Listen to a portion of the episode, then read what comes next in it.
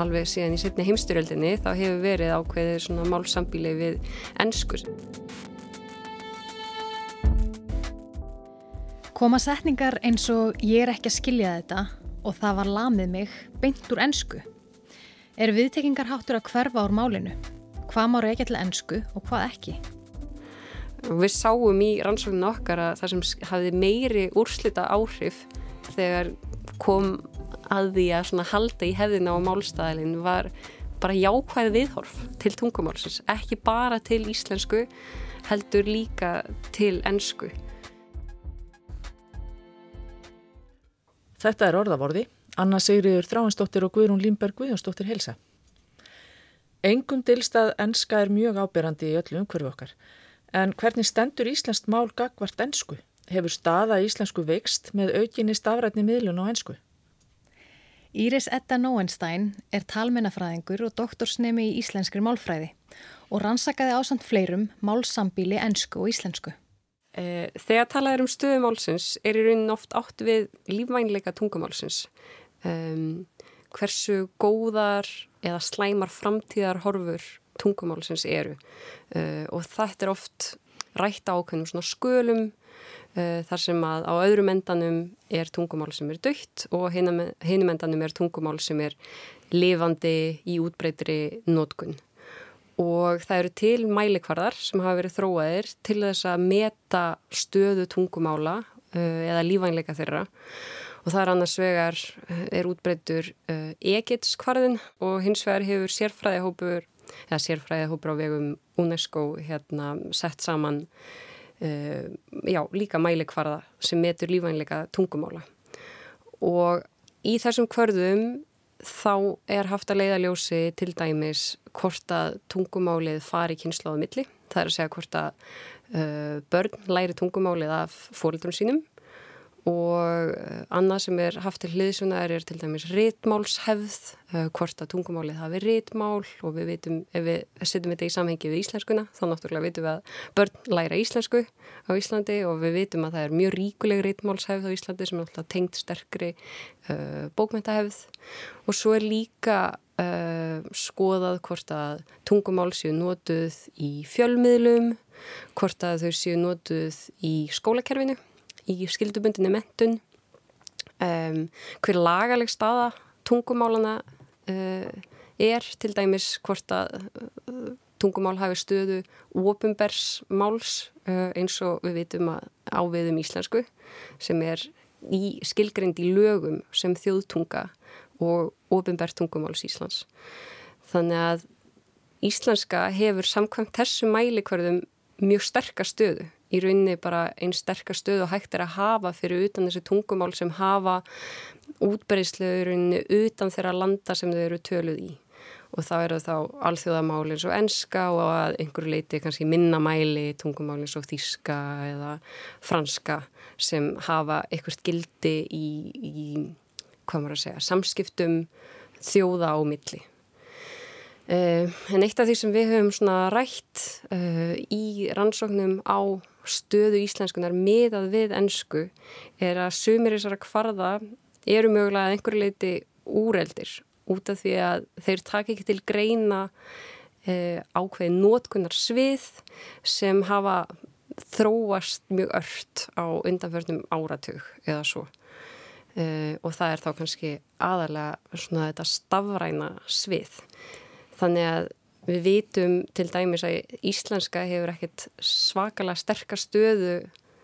um, stafrænt uh, miða við önnur evrópsk tungumál. Og það eru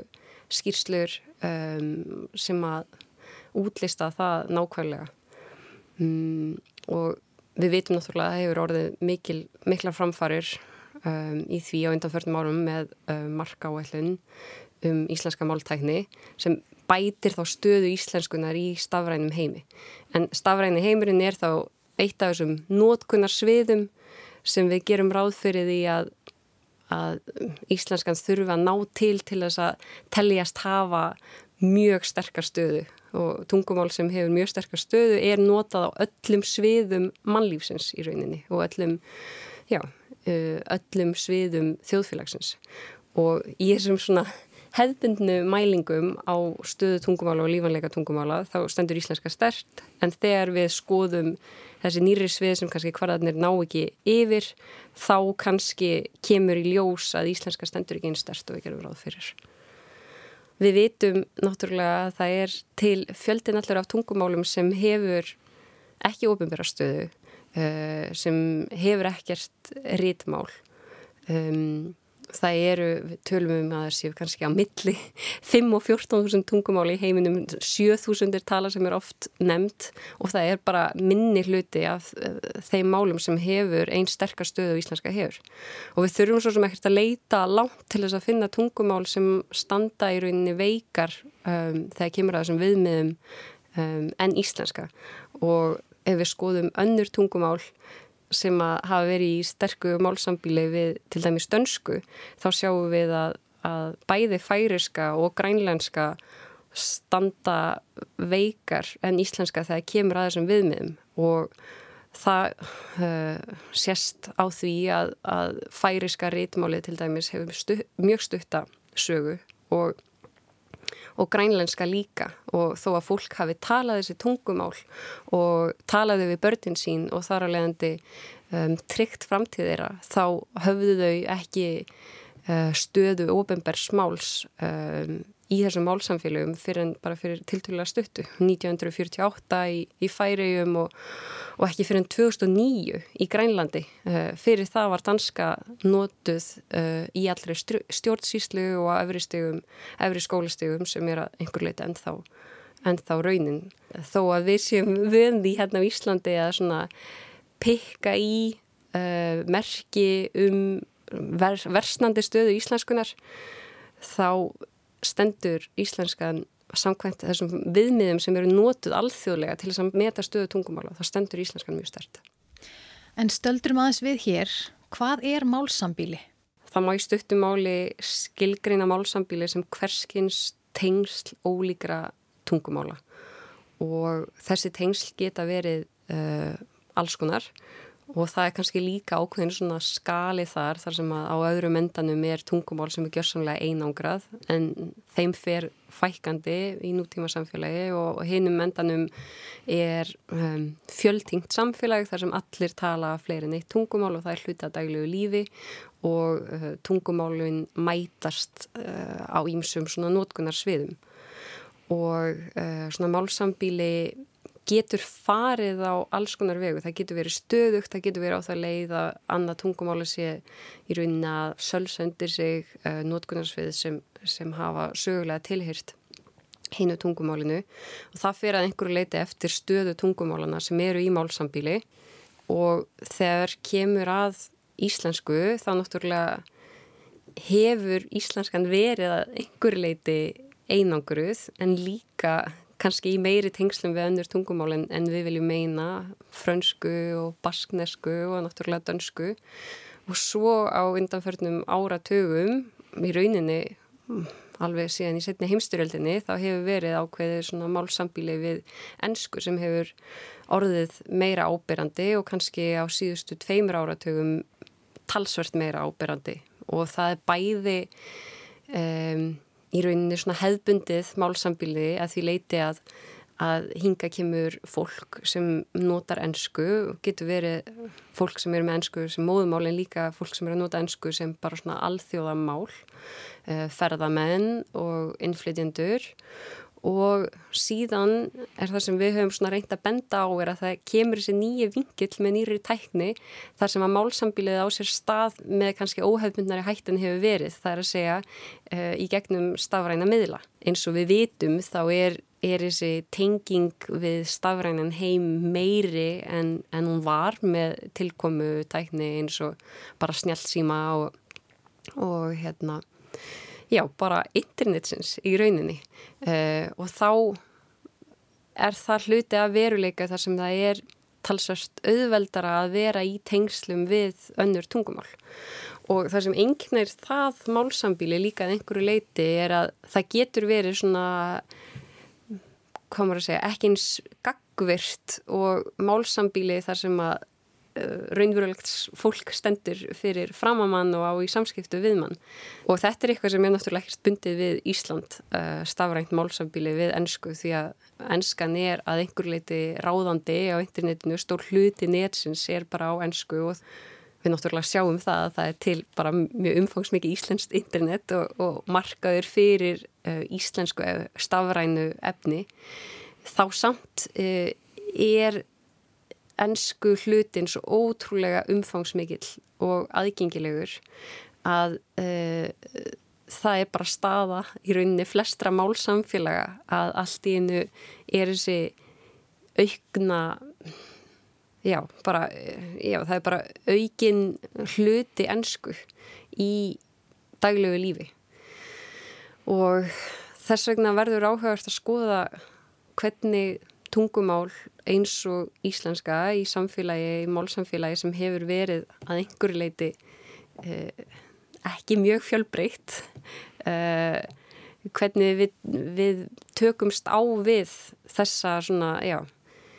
eh, tilvist ennsku og hvort að það hafi áhrif á uh, hvernig við tilengum okkur íslensku en líka hvernig við tilengum okkur ennsku Um, þannig að það er hluta því sem við höfum verið að skoða og það er hluta því sem er sérstakt við þetta tiltekna málsambíli. Þó að málsambíli hafi verið til staðar bara sennilega síðan tungumála eða síðan við getum talað um eiginlegt tungumál í sögu mannana. Íris segir að það hafi brunni á rannsakandum og ekki síður á almenningi Hvort reykja mætti einhverja málbreytingar í íslensku til málsambílis íslensku og ennsku eins og það er núna?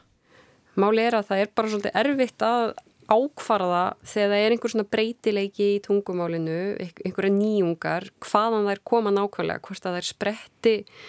bara úr, uh, mál, hvort það séu innri málbreytingar sem að, sem að verða til uh, óháð öðrum tungumálum sem verða til bara með máltöku barna, breytileika á milli uh, samfélagshópa, bara nýjunga sem að eru að einhver leiti afleiðing breytrar samfélagsgerðar eða hvort þetta séu ytri málbreytingar sem má reykja til uh, málsambílis við önnur tungumál og oft við eigum svolítið til bara sem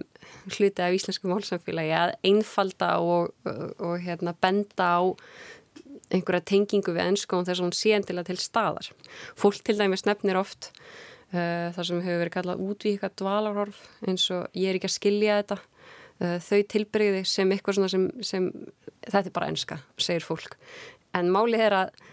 að þetta er ekkert bara enska, það er ekki til sambarilegur breytilegi í ennsku, það er ekki eins algengt að segja ennsku I am not understanding this mm -hmm. og, og að segja ég er ekki að skilja þetta í íslensku þannig að þarna er málbreyting sem er að einhver leiti sprottin úr bara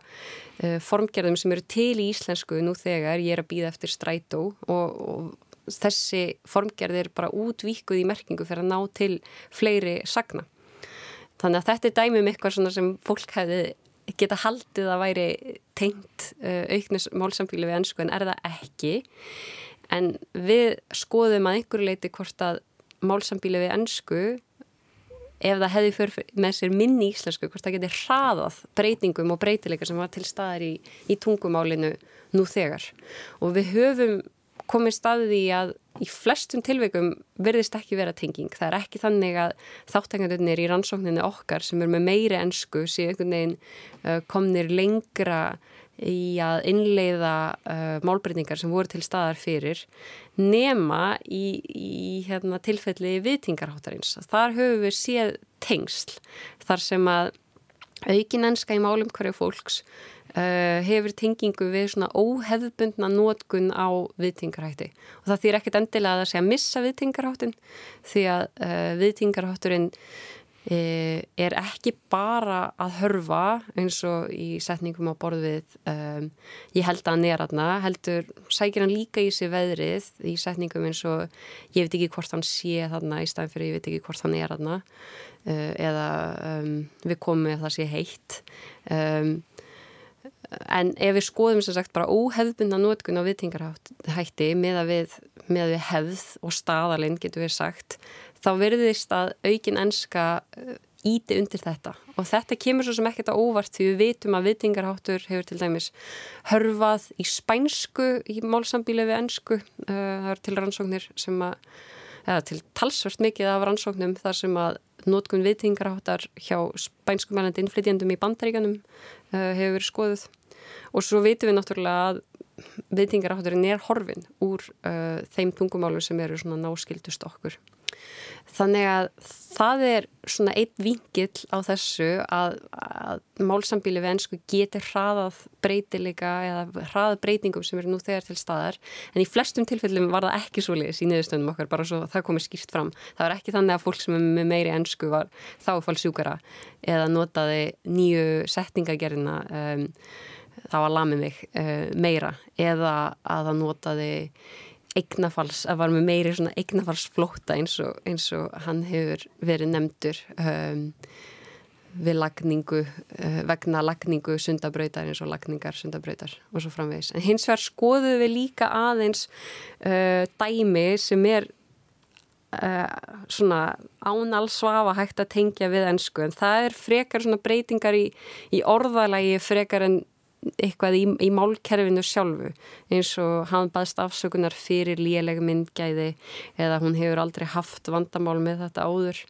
þar sem þetta virkar eins og einhvers konar bein þýðingar uh, en það var ekki stendilega þannig að fólk sem að notaði meiri ennsku samþykti þessar formgerðir meira. Og við sáum í rannsóknu okkar að það sem hafði meiri úrslita áhrif þegar kom að því að halda í hefðina á málstæðilin var bara jákvæð viðhorf til tungumálsins, ekki bara til íslensku, heldur líka til ennsku og það held ég að megi reykja til þess að fólk sem hefur virkilega áhuga á tungumálinu og áhuga á ímsu sem svona tengir fólk við málstæðalinn bara eins og lestur og skrif og svo framvegis það hefur þar að leðandi svona betri tilfinningu fyrir þessari eldri málhefð. Og það er líka bara ekkert á allra færi og við erum rosalega mismunandi bara af náttúrunar hendi þegar kemur að því hversu auðvelt við eigum með og hversu mikinn áhuga við höfum á öllu því sem er í rauninni tungumálinu. Og ég segi þetta oft bara við erum mismáleg, sum okkar eru með málþróskaraskanir, aðrir mm, geta setið tíunum saman og lesið og skrifað og, og það er kannski eitthvað sem vegur meira en hvort að hluti af deginum fari í einhver öndur tungumál en, en íslensku. Þannig að það er sem sagt ekkit endilega tenging á milli stöðuleika tungumálsins hversu litlum breytingum hún tekur og það hvort að hversu litlum breytingum tungumáli tekur og því hvort að uh, málið sé einangrað. Og það kemur skýrt fram bara svona til þess að tengja þetta saman í þessum kvörðum uh, og viðmiðum eins og frá UNESCO og, og í, í Egets kvarðanum að það er ekki hluti af sterkri stöðu tungumáls þess að tungumáli sé einangrað það er ekki svo að, að hérna, fjöldtingi almennt sé álitið ykkur svona, uh, ógn við stöðu tungumálsins. Það sem getur ógna stöðu tungumálsins er að það fara að missa ákveðin nótkunnarsvið. Uh, en svo náttúrulega líka bara er það ekki endilega þannig að tungumál sem breytist sé tungumál sem er að deyja og, og tungumál sem, sem hérna í raunin er það anstæðan tungumál sem breytist er lifandi tungumál. Eh, þannig að það er kannski munur á öðruvísi íslensku og, og yngri íslensku. Og væntalega viljum við frekar tungumál sem er kannski tekur breytingum og verður líkara vestur íslensku sem var í miklum tengslum við eh, ennsku eða, eða færisku sem var í miklum tengslum við, við önnur tungumál, dönsku eh, frekar en, en enga íslensku. Íris bendir á að farsælt málsambíli þekkist um allan heim. Framtíð íslenskunar ráðist ekki af því hversu vel takist það einangrana heldur frekar hvernig hlúð sé aðinni. Eitt af því sem hefur líka komið upp í um, áhyggjum fólks af aukinni ennsku í íslensku málsamfélagi er að þetta kom einhvern veginn í veg fyrir að börn tilengi sér íslensku um, með fullnægjandi hætti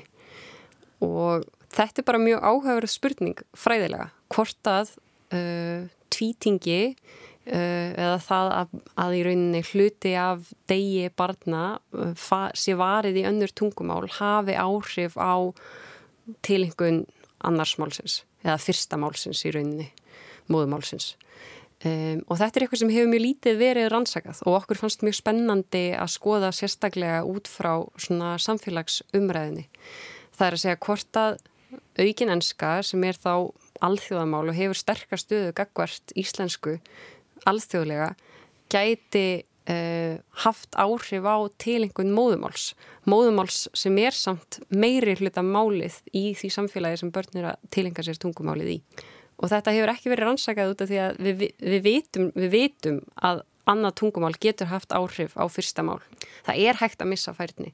í móðumálinu sínu og það er hægt að líka að ná ekki fullum tökum á því eins og við, við könnumst við, við vitum um ímestæmi uh, íslenskar fjölskyldur sem að flytja til útlanda og börnin ná ekki alveg tökum á íslenskunni. Þannig að við vitum að, að, að það getur gerst en það sem við vitum ekki er hvort að það geti orðið einhver svona áhrif á móðumálið eða fyrstamálið þegar það er svona stafrætt málsambíli og fyrstamálið er samt en, á, ennþá meiri hlutamálið. Það að það sé fjöldtingi til staðar er ekkert endilega uh, merki um að tungumáli standi veikar. Um, það er öndur mýta sem hefur einhverju leiti tekist að svona að útrýma að, að tvítingi uh, gerir það verkum að börn sem einhvern veginn ringlaðri eða ná ekki almenlega tökum á tungumálinu eða þetta orsaki málþórskaröskun, það er ekki rétt. Það er heldur ekki rétt að það sé ekkert mál að tala mörg tungumál og viðhalda þeim og svona. Það er mjög mikil vinna að baki og, og sjálfnast hannig að hérna, sjálfnast hannig að hérna, börn uh, læri tungumálinn alveg jaft en hins vegar geta þau náð bara mjög góðum tökum á tveimur, jafnvel þremur tungumálum ef það er nógu mikið af uh, örfun uh, til staðar og, og þau geta fjöltingd börn verið mjög sambarileg eintingdum börnum uh, jafnvel þó þau eigði ekki öllum sínum tíma í bara einu tungumáli.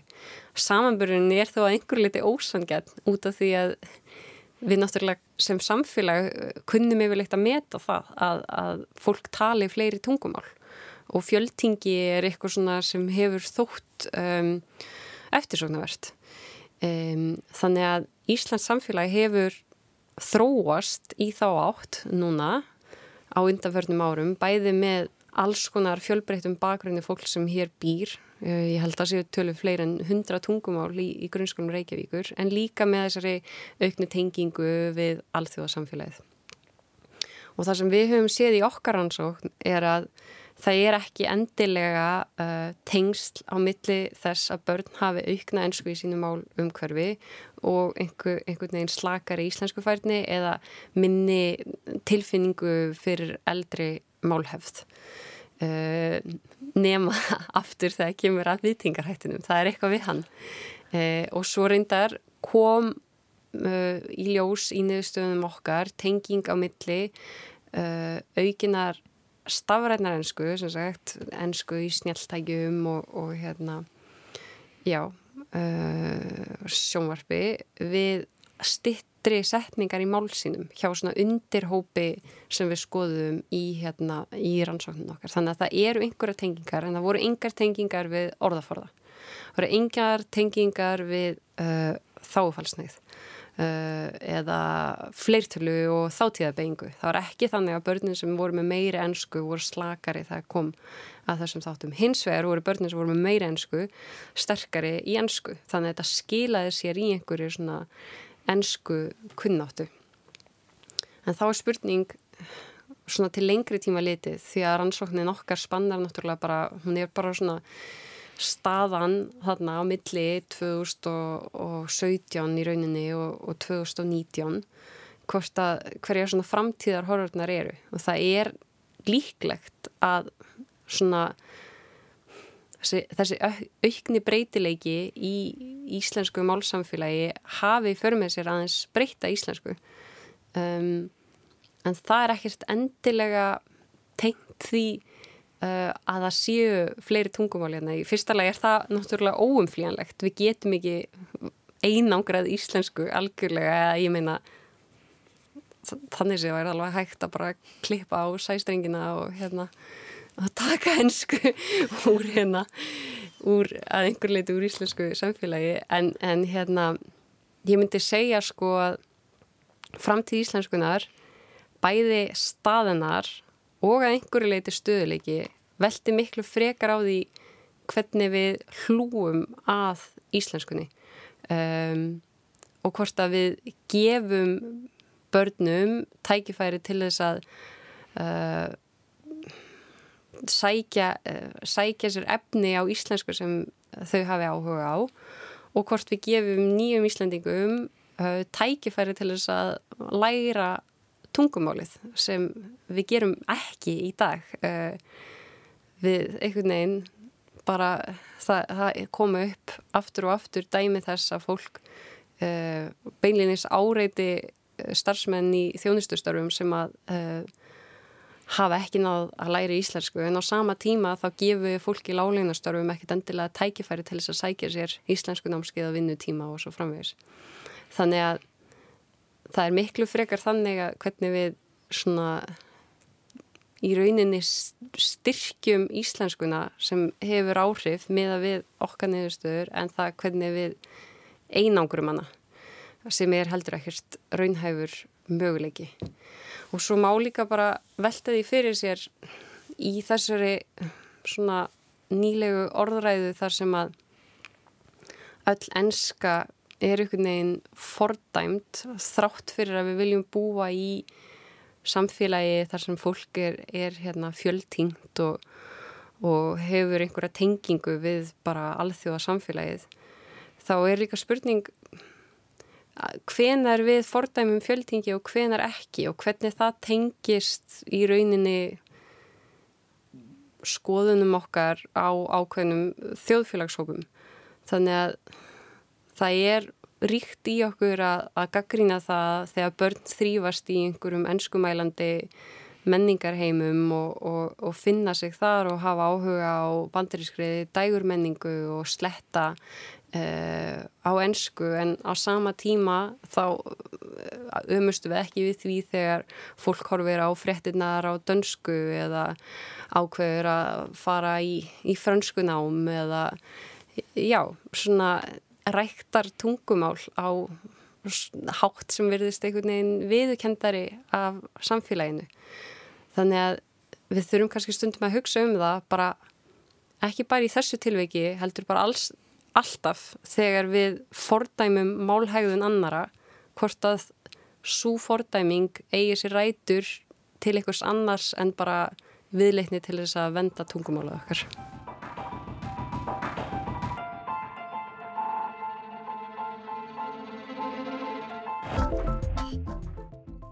Það sem verið skipta mestu máli viðleikni til að varveita íslensku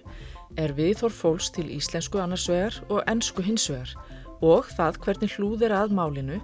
fremur en að leytast sér við að einangra íslensku frá þessu sambíli.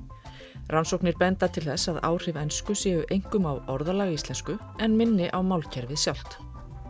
Þú varst að hlusta á orðavorði, tæknimaður var Jökull Karlsson, Guðrún og Anna Kveðja.